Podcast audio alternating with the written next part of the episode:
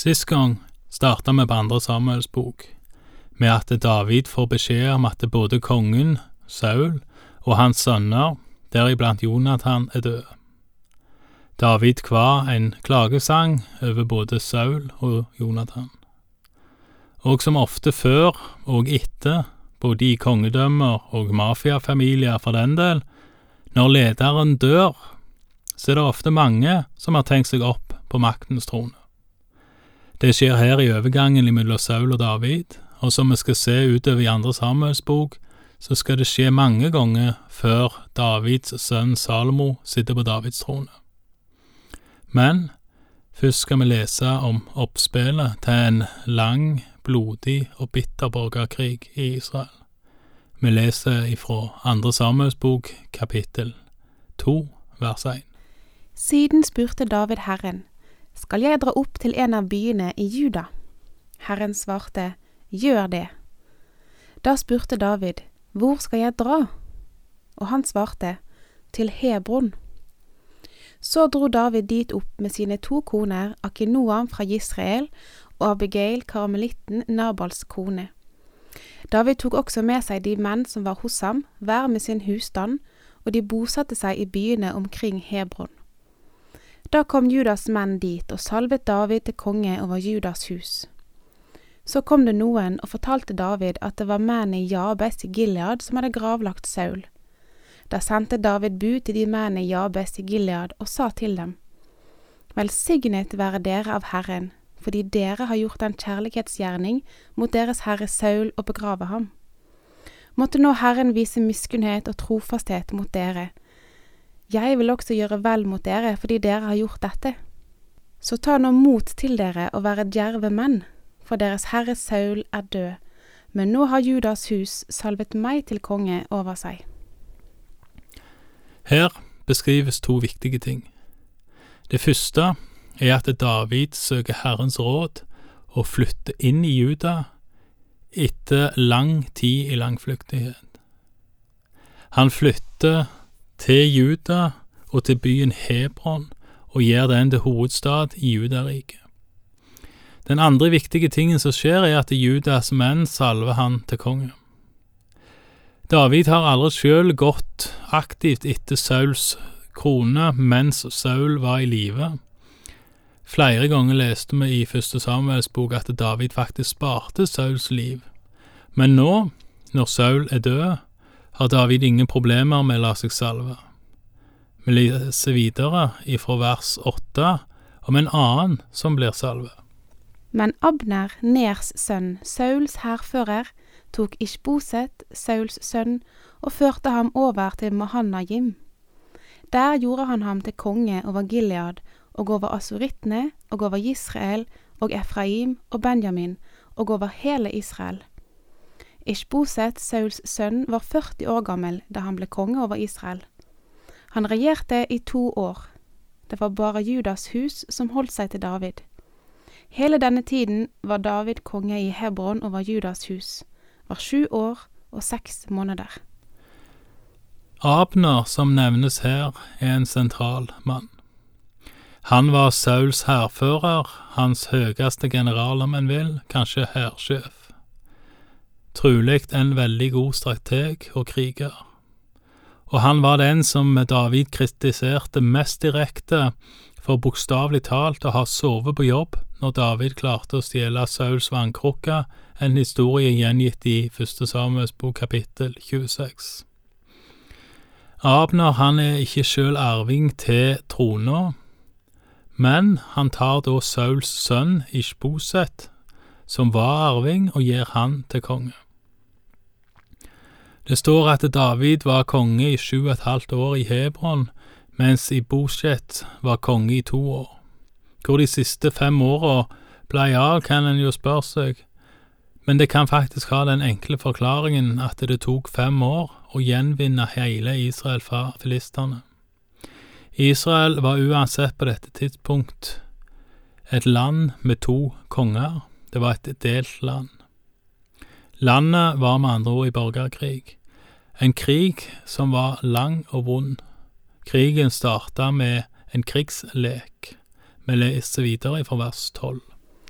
Abner, Ners sønn, dro ut fra Mahanajim med folkene til Ishboset, Sauls sønn, og dro til Gibeon.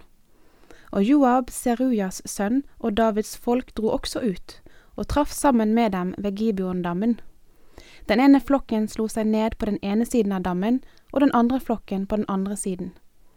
Da sa Abner til Joab, La de unge mennene tre fram og holde en krigslek mens vi ser på. Joab svarte, Ja, la dem det. Så reiste de seg og gikk fram i det fastsatte tall, tolv for Benjamin og Ishboset, Sauls sønn, og tolv av Davids folk. De grep hverandre i hodet og stakk sverdet i siden på hverandre slik at de falt alle sammen. Siden ble dette stedet kalt Helkat Hasurim. Det ligger ved Gibeon. Det ble kalt for krigslek, men som vi forstår, så var det ikke noe lek på noen måte. Tanken var at hvert lag skulle velge ut tolv stykk, som da skulle møte og kjempe for livet. Dersom den ene sida vant, så hadde en en vinner. Her falt alle 24, og den virkelige borgerkrigen starta. En kan jo synes at det var brutalt og en merkelig form for lek, men på den andre sida, når begge sidene var enige om å ha en sånn krigslek, så ville det være en enkel måte å spare mange liv på. Dersom den ene sida hadde vunnet, så hadde denne sida vunnet hele krigen, sånn som jeg forstår det. Nå falt de alle 24, og en fullskala borgerkrig bryter ut. En borgerkrig som starter med et oppgjør imellom generaler, imellom Abner på den ene sida og Joabs bror på den andre sida. Vi leser videre ifra vers 17. Striden ble svært hard denne dagen, og Abner og Israels menn ble slått av Davids folk. Tre av Serujas sønner var med, Joab og Abishai og Asael.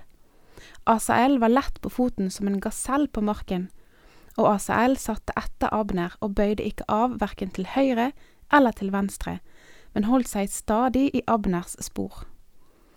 Da vendte Abner seg og sa, er det du, ACL? Han svarte ja. Da sa Abner til ham, bøy av, enten til høyre eller til venstre, grip fatt i en av de unge og ta rustningen hans. Men Asel ville ikke la være å forfølge ham. Da sa Abner igjen til Asel, la være å forfølge meg, vil du kanskje at jeg skal slå deg til jorden? Hvordan skulle jeg da se din bror Joab i øynene? Men han ville ikke holde opp. Da støtte Abner spydskaftet i magen på ham så spydet gikk ut gjennom ryggen. Han falt om der og døde på stedet.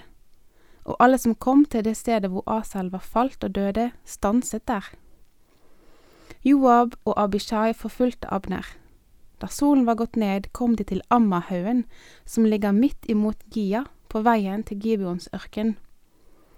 Men Benjamins barn samlet seg i én flokk om Abner og stilte seg på toppen av en haug.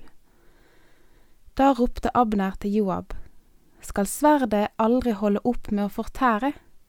Skjønner du ikke at dette vil ende med sorg? Hvor lenge vil du vente før du sier til folkene dine at de skal holde opp med å forfølge sine brødre?